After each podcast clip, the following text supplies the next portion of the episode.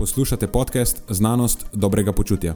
To je oddaja, v kateri odkrivamo, kako lahko znanost pomaga izboljšati vaše počutje in kako kritično razmišljanje omogoča sprejemanje dobrih odločitev na področju zdravja in fitnesa.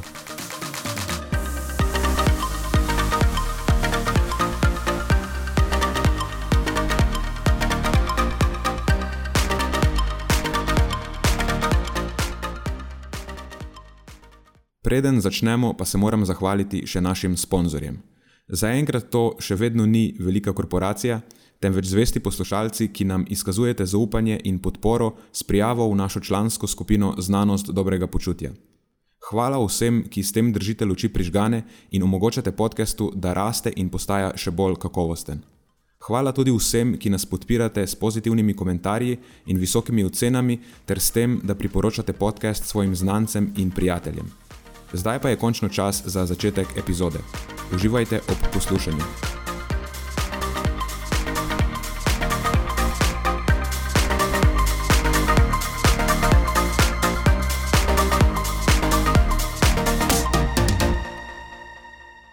Tokrat je na vrsti spet solo epizoda. V zadnjem času se nekako naši urniki nočejo uskladiti, in vsi moji potencijalni sovoditelji so strašno zaposleni, ampak nič hudega, lahko ta čas izkoristim, da dam na plano dve zadevi. Eno, o kateri sva z Matjažem že govorila, oziroma namignila na njo v prejšnji epizodi, predprejšnji epizodi, v glavnem pred kratkim, in eno drugo, o kateri sem razmišljal prejšnji teden. Prva stvar je, moje, oziroma najno, mislim, da lahko rečem tudi najno, velja tudi za Matjaža, po moje, eh, stališče v zvezi z viri beljakovin, kako relevantno je upoštevati kakovost beljakovin. Torej, omenila sva, da se je nekako spremenilo najno stališče o tem, ali je res taka razlika med viri beljakovin živalskega in rastlinskega izvora. Torej, to je prva stvar. Druga stvar je pa moje razmišljanje o relevantnosti indeksa telesne mase pri ocenjevanju telesne zamaščenosti, oziroma ki izhaja iz tega, in v podaljšku tudi o relevantnosti spremljanja same telesne mase, torej pri ocenjevanju tveganja in zamaščenosti in napredka, recimo pri izgubi odvečne maščobe in tako naprej. Glede na to, da imamo samo dve zadevi, zna biti, da bo ta epizoda precej kratka in jedrnata, tako da pripnite se in bomo probali hitro preleteti skozi to. Torej, prva stvar, kot že omenjeno, torej moje, oziroma najno, bom govoril tudi za Matjaža, kaj me briga, me bo popravil v naslednji epizodi, če kaj od tega ne drži. Torej, da se je najno stališče v zvezi z viri beljakovin, predvsem razlikami med beljakovinami rastlinskega in živalskega izvora, v zadnjem času spremenilo oziroma mogoče bi bilo boljše reči, da se je prilagodilo v skladu z novimi dokazi.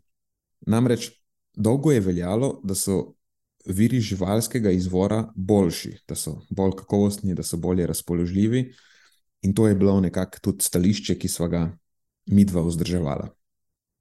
Ampak v bistvu je to na tej točki samo predvidevanje, in kot se izkaže, je to precej šibko predvidevanje, ki ni dobro utemeljeno z dokazi. Literatura na tem področju je precej raztresena in tako daje zelo, zelo malo zelo konkretnih odgovorov. Mogoče bo koga presenetilo, ampak v narekovajih kakovost beljakovin in praktična relevantnost tega je zaenkrat še nekaj, kar ni zelo eksaktno določeno. Sicer obstajajo razni točkovniki oziroma indikatorji kakovosti beljakovin. Ponavadi dajo neke odstotke razpoložljivosti beljakovin oziroma aminokislin. In dosti krat se jih uporablja ali pa omenja, kot da je to nekaj, kar je eh, ekstra pomembno, ko izbiramo vire, vire beljakovin v praksi, ampak v resnici verjetno ni, iz večjih razlogov. Namreč obstaja več vprašanj v zvezi z metodami, ki so uporabljene, da se ti točkovniki oziroma indikatorji izdelajo obstajajo vprašanja o eh, populaciji, na katerih je ta zadeva merjena. ali res lahko, ker ekstrapoliramo na splošno. Obstaja vprašanje v kontekstu prehrane, v katerem je zadeva merjena, in tako naprej. In tako naprej. In povsem možno je, da je kakovost virov beljakovin določena na ta način, v praksi skoraj povsem nerelevantna. Če recimo uporabimo dias, ki meri razpoložljivost posameznih aminokislin eh, na koncu tankega črevesja, kjer je, kjer je to dejansko relevantno. Na podlagi tega sicer lahko rečemo, da je en vir manj razpoložljiv kot drug, ker gledamo, koliko aminokislin je telo prevzelo in koliko jih je ostalo neprebavljenih. Ampak, če se to na koncu prenese v anabolni potencial, pa v bistvu ne vemo zagotovo, ker literatura je na tem področju zaenkrat precej nesoglasna. V večjih primerih se je izkazalo, da hitrejše oziroma um, večje večje povišanje koncentracij aminokislin v obtoku ne pomeni nujno izboljšanega odziva mišične beljakovinske sinteze ali izboljšanih prilagoditev na vadbeni dražljaj. Torej, če pravim to poenostaviti, ta povezava ni linearna v smislu, da bi se večji porast aminokislin v obtoku avtomatsko prenesel tudi v večji anabolni odziv oziroma eh, izboljšano prilagoditev na trening. Obstajajo namreč primeri raziskav, kjer je naprimer, manj izrazit porast leucina, aminokislina leucin je sprejet kot glavni um, sprožilec mišične beljakovinske sinteze. Torej, obstajajo primeri, kjer je manj izrazit porast leucina v obtoku povzročil bolj izrazit odziv v beljakovinski sintezi.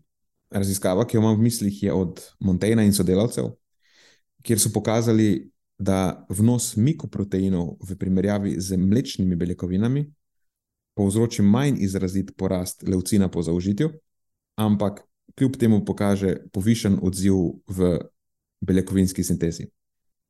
To zdaj ne pomeni, da leucin ni pomemben in ne izpodbija njegove pomembne vloge v anabolizmu, ampak vseeno imamo ugotovitve, ki nakazujejo, da verjetno takšen eh, redukcionističen pristop in kompliciranje s posameznimi aminokislinami in odstotki izmerjene razpoložljivosti in ne vem, čem še vse drugim, v praksi mogoče sploh ni zelo pomemben. Ampak, da ne zapletam, da ne zapletam zadeve dodatno, kakšno ima to praktično implikacijo? Takšno, da trenutno se zdi, da je kakovost beljakovin, kot jo merimo s temi raznimi točkovniki oziroma indeksi, verjetno v praksi manj pomembna ali pa nepomembna. Oziroma, trenutno se verjetno ni smiselno upirati na te podatke, ko zastavljamo dejanski prehranski načrt. Ker v praksi naš vir beljakovin ni praktično nikoli eno samo živilo, še manj pa izolirane beljakovine ali izolirane aminokisline. Vsi normalni ljudje, večinoma beljakovine uživamo v kombinaciji z drugimi živili in v obliki različnih živil pač v različnih oblikah. Torej, nihče ne je samo mlečnih beljakovin en dan, ali pa samo sojinih beljakovin en dan, ali pa samo grahovih beljakovin en dan, ampak izbira različne vire tekom dneva in jih kombinira z drugimi živili. Tako da,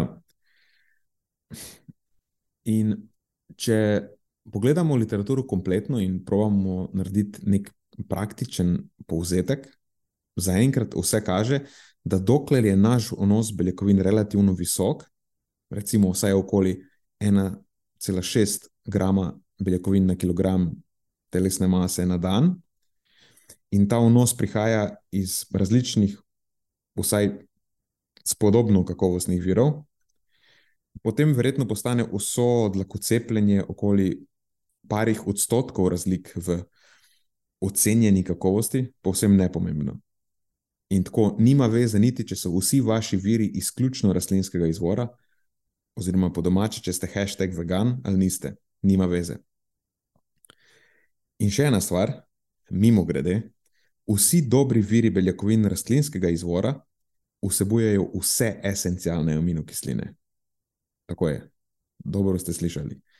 Sicer je res, da prihaja do bolj ali manj izrazitih razlik v relativnem deležu aminokislin, ampak v veliki sliki je to verjetno povsem nerelevantno. Obstaja en dober prikaz, kako zelo podobni so dejansko nekateri viri beljakovin rastlinskega in živalskega izvora. Ta prikaz najdemo v enem od novejših člankov Gardnerja in sodelavcev. Naslov je Maximizing the Intersection of Human Health and Health of the Environment with regard to the amount and type of protein produced and consumed in the United States. In na tem grafu, uh, graf bom dodal v objavo na Patreonu, da jo lahko pogledate. V glavnem na tem grafu vidimo, da med večino virov beljakovin živalskega izvora in naprimer stročnicami in žiti, na prvi pogled pomeni sploh opaziš razliko. Bolj očitna je edino manjša razlika v absolutnem deležu esencialnih aminokislin, ampak tudi ta ni velika.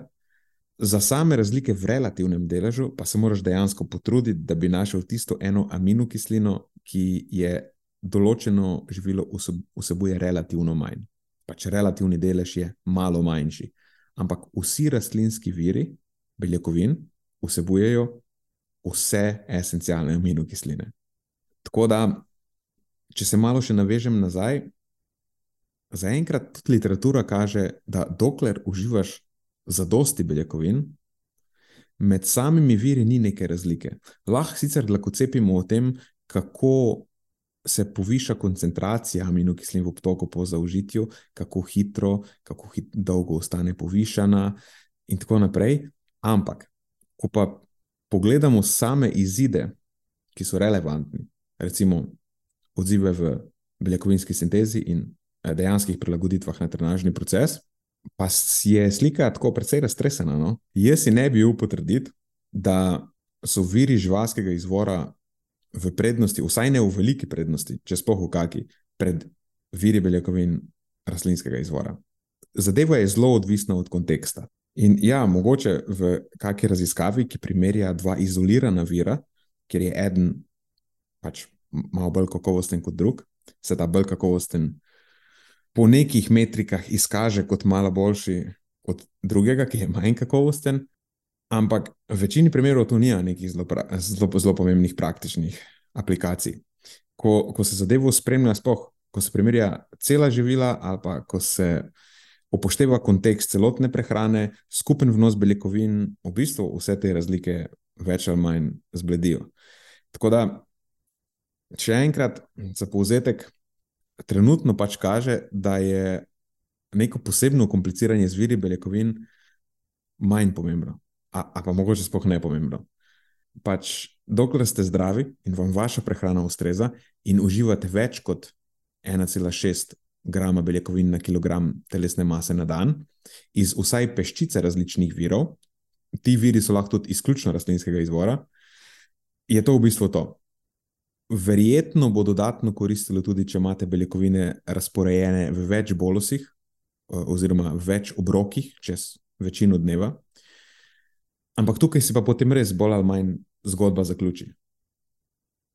Kot trenutno kaže, je vso ostalo sekiranje in lakocepljenje o kakovosti različnih virov in razlikah med rastlinskimi in živalskimi beljakovinami in ne vem še čemu vsem, najverjetneje odveč. Po domače pač verjetno je to zguba časa. In to bi bil nekako povzetek te evolucije našega stališča v zvezi z kakovostjo beljakovin in razlikami med rastlinskimi in živalskimi viri beljakovin. No, druga stvar je pa indeks telesne mase, oziroma spremljanje telesne mase na splošno. Um, Sej ta indeks telesne mase je že kar nekaj časa tako kontroverzna tema. Nekako glavno vprašanje je, ali je indeks telesne mase sploh dober napovedovalec za maščenosti. Ne? Kaj pa recimo bodybuilderji imajo povišen indeks telesne mase, ampak imajo tudi nizek odstotek telesne maščobe. In zaradi tega, ker imajo indeks telesne mase povišen, predvsem na račun puste telesne mase, najbrž zaradi tega nimajo povišenega tveganja za različne kronične bolezni in prezgodnjo umrljivost. Čeprav Ok, s tem se lahko v osnovi strinjam, čeprav ne vem, ne vem, če je glih smiselno bodybuilderje uporabiti uh, tukaj kot nek relevanten primer. Pač bodybuilderji imajo pogosto povišeno pusto telesno maso, ne samo zato, ker trenirajo z težmi in jejo veliko beljakovin, ampak tudi zaradi tega, ker si, rečemo, temu pomagajo z posebnimi športnimi dopolnili. In če ima nekdo povišeno pusto telesno maso ob nizkem deležu telesne maščobe, zaradi tega, ker si pomaga s posebnimi športnimi dopolnili, ne vem, če bi glih upal umreti eh, na tem hribu, da bi branil trditev, da bodybuilderji, ker imajo povišen indeks telesne mase na račun puste telesne mase in ne na račun povišene zamaščenosti, zaradi tega tudi niso izpostavljeni višjemu tveganju. Se mi zdi, da tukaj je vseeno uporaba posebnih športnih dopolnil moteč dejavnik. Tako da se mi zdi, da bodybuilderji jih niso. Uh, do, mislim, nočem biti, pač, če govorimo o tekmovalnih bodybuilderjih, ne ne mer razumeti narobe. Pač nekdo, ki ima zelo močno povečano količino puste telesne mase, do te mere, kjer bi to lahko res tako ekstra vplivalo na indeks telesne mase, najbrž uporabna športna dopolnila. Nek povprečen rečemo temu, rečemo temu naraven bodybuilder, razen mogoče res nekih outlierjev, najbrž ne bo mogel pridobiti toliko mišične mase, da bi to ekstremno vplivalo na njegov indeks telesne mase. Tako da bi imel recimo indeks telesne mase nad 30, pa odstotek telesne maščobe 10. Nekako ne vidim te situacije. Ampak ok, pustimo to. Vseeno, verjetno obstajajo v populaciji tudi ljudje, ki imajo dokaj visok indeks telesne mase, ampak imajo kljub temu relativno nizek odstotek telesne maščobe, oziroma imajo vsaj odstotek telesne maščobe tam, kjer je to še normalno, oziroma za tisto, kar rečemo, da je zdravo. Ali pa recimo, da imajo indeks telesne mase 30, kar je nekakšna meja za debelost, ampak kljub temu imajo odstotek telesne maščobe znotraj tistega, kar nekako predvidevamo, da je zdravo. Ampak, ok, če se vrnemo k našemu osnovnemu vprašanju, ali je indeks telesne mase dober napovedovalec zamaščenosti?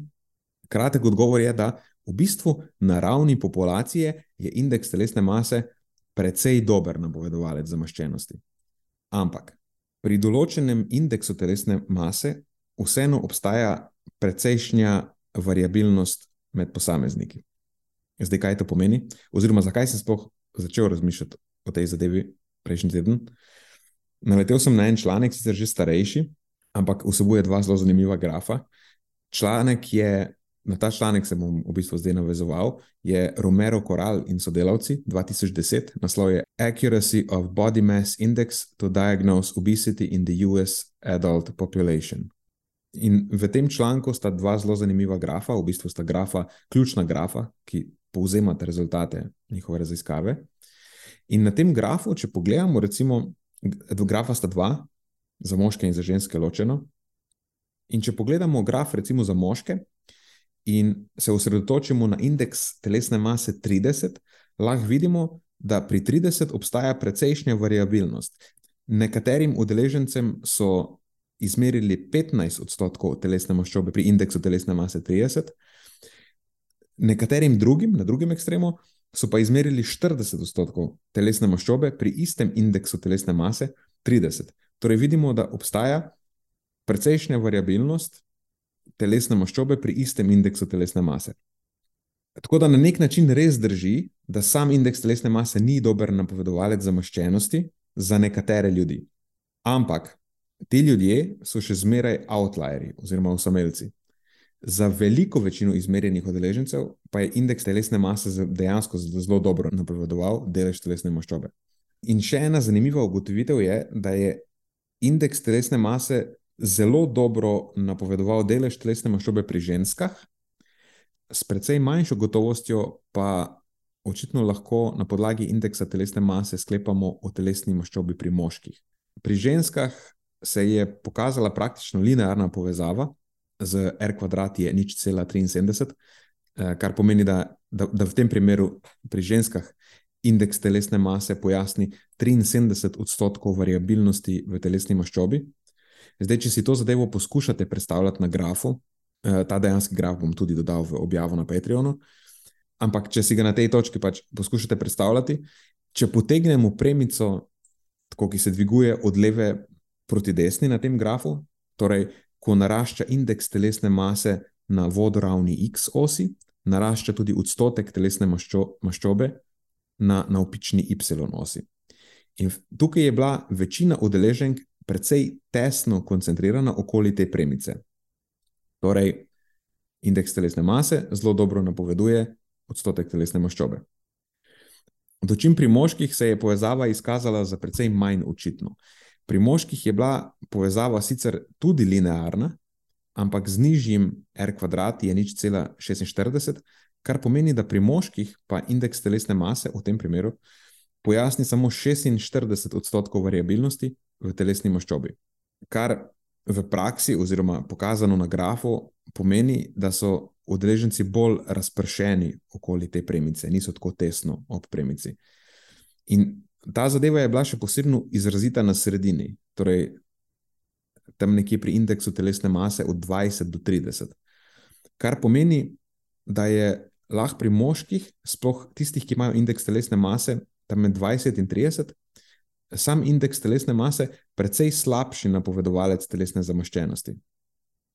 Sicer spet, rezultat je takšen, predvsem na račun neke obrobne manjšine, ki je padla precej v stran od premice, torej spet teh posameznih eh, outlierjev, ampak vseeno. Čist verjetno je, da pri moških prihaja do večjih razlik v, v količini puste mase, in je zato sam indeks telesne mase slabši napovednik telesne zamaščenosti. In kaj to pomeni v praksi? To v praksi pomeni, da je indeks telesne mase v grobem sicer relevantna metrika, ker v večini primerov eh, pravilno ali pa vsaj približno pravilno napoveduje zamaščenost, še posebno to velja za ženske, pri moških pa je morda manj uporaben. In zdaj pa glavni nauk te zgodbe je, da mi, mi smo vsi posamezniki in nas zanima naš lasten uh, profil tveganja, ki izhaja iz naše telesne sestave. Ne? Tako da ta neka velika slika, oziroma kaj indeks telesne mase pove v grobem, nas v bistvu ne zanima zelo.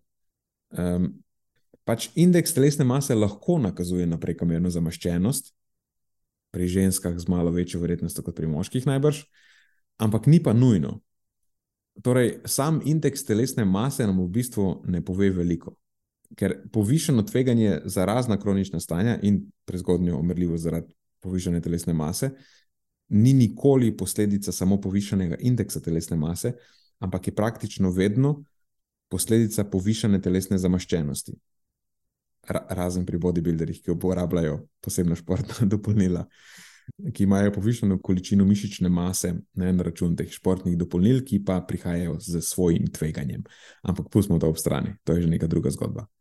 Um, torej, ja, e, povišena zamaščenost.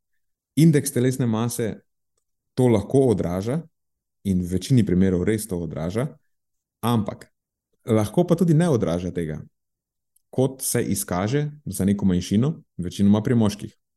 Tako da za posameznika, ki želi oceniti svoj, na eh, rečemo temu, telesno sestavo vezan profil tveganja, se v bistvu nima veliko smisla ukvarjati s samim indeksom telesne mase. Ta je sicer lahko nek začetek oziroma nek eh, indikator, da bi bilo smiselno preveriti natančno stanje, ampak vseeno potem. V nadaljevanju je fino najti neko metodo, ki bolj specifično oceni telesno zamaščenost ali pa dejansko tveganje. Zdaj, kaj to je? Ena opcija je sicer malenkost invazivna metoda, ampak med dokaj dostopnimi metodami je to najbolj natančna, to je slikanje z DEX-a oziroma dvoenergetsko rentgensko absorpciometrijo. To je opcija, čeprav to ni nekaj, kar bi, vsaj jaz ne bi generalno svetoval tega, ker se mi zdi nepotrebno za večino. Plus obstaja kar nekaj manj invazivnih metod, ki tudi čist dobro ocenijo ali stopnjo zamaščenosti, ali profil tveganja, ali pa oboje, tudi če jih, če jih kombiniramo. Recimo pri Filgut, pri varovancih uporabljamo meritve s kaliperjem in uporabljamo obseg pasu in bokov. In na podlagi tega lahko potem precej elegantno in brez uh, nekih večjih odstopanj tudi spremljamo napredek. V bistvu se potem s temi meritvami lahko praktično v celoti izognemo merjenju telesne mase s tehnico ker na ta način sama telesna masa dejansko izgubi ves pomen. Zanimivo je tudi, da to se potem pogosto eh, za marsikoga izkaže kot eh, nekaj precej osvobajajočega. Ker na, na koncu dneva pač tista številka na tehnici in vse njene izpeljanke, kar v bistvu tudi indeks telesne mase je izpeljanka tehtanja s tehnico, vse to postane nerelevantno, ker je očitno ne potrebujemo, niti če želimo oceniti zdravstveno stanje, še manj pa če želimo oceniti svoje počutje, a pa recimo nek napredek, ker te dve zadevi sta v veliki meri subjektivni. In na meritve pasu in bokov in meritve s kaliperjem, ki so tako precej objektivne, to so neke številke, ki nobenemu nič ne pomenijo, precej manj kot neko uh, tehtanje. Tako da to bi bil nekak nauk tega. V bistvu, če želimo oceniti svoje tveganje oziroma svoje, da mu rečemo, presnovno zdravje, če želimo oceniti svoj napredek, praktično ne potrebujemo tehtanja, še manj pa indeks telesne mase. Indeks telesne mase, gledano v grobem ali pa na, na ravni populacije, je, je čist kul. Cool. Ne moremo reči, da ni uporaben. V nekaterih primerih je uporaben. Ampak kot posamezniki, pa se z indeksom telesne mase najbrž res ne rabimo ukvarjati. Ker za nas, kot posameznike, obstajajo druge, precej bolj relevantne metrike, ki A, boljše ocenijo naše zdravstveno stanje, in B, tudi boljše nam pomagajo spremljati naš napredek. In iz tega tudi sledi, da že če sam, če indeks telesne mase ni pomemben, polje tehtanje oziroma merjenje telesne mase, pač indeks telesne mase je bolj razvita, evolvirana metrika kot tehtanje s tehnico. Tako da, če že indeks telesne mase za nas kot posameznike ni zelo relevanten ali pa je celo v celoti nerelevanten, potem je tehtanje s tehnico absolutno nerelevantno. In ja, pač zato ga mi v naši praksi tudi ne uporabljamo, ker je v bistvu nerelevantno. Tako da, ok, mogoče je to, mogoče je to lekcija, um, mogoče je to glavna lekcija iz tega, da je pač telesna masa sama po sebi nerelevantna. Uh, ne vem. Tako da, um, ja, ok. Tako da, to je to. Mislim, da sem uspel izpolniti svojo obljubo. Tokratna epizoda je bila hitra, upam, da je bila uporabna. In um, Za naslednjo pa upam, da nam bodo naši urniki bolj naklonjeni in, in se mi bo uspel priključiti eh, tudi kak od mojih sovoditeljev, da ne boste rabili trpeti samo z mano. V bistvu mi je Matjaž že obljubil, da bo prisoten na naslednji epizodi. Eh, tako da, če ga slučajno ne bo, prosim, da mu zatežite v inbox in mu vzbudite občutke krivde, čim več, tem boljše.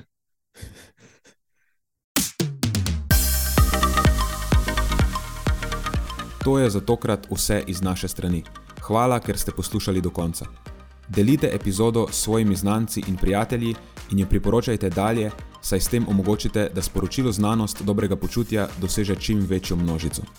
Hvala vsem, ki nas podpirate s članarino in tudi vsem ostalim, ki delite podcast dalje in nam izkazujete naklonjenost z visokimi ocenami in pozitivnimi komentarji. Se slišimo prihodnjič, do takrat pa ostanite premišljeni.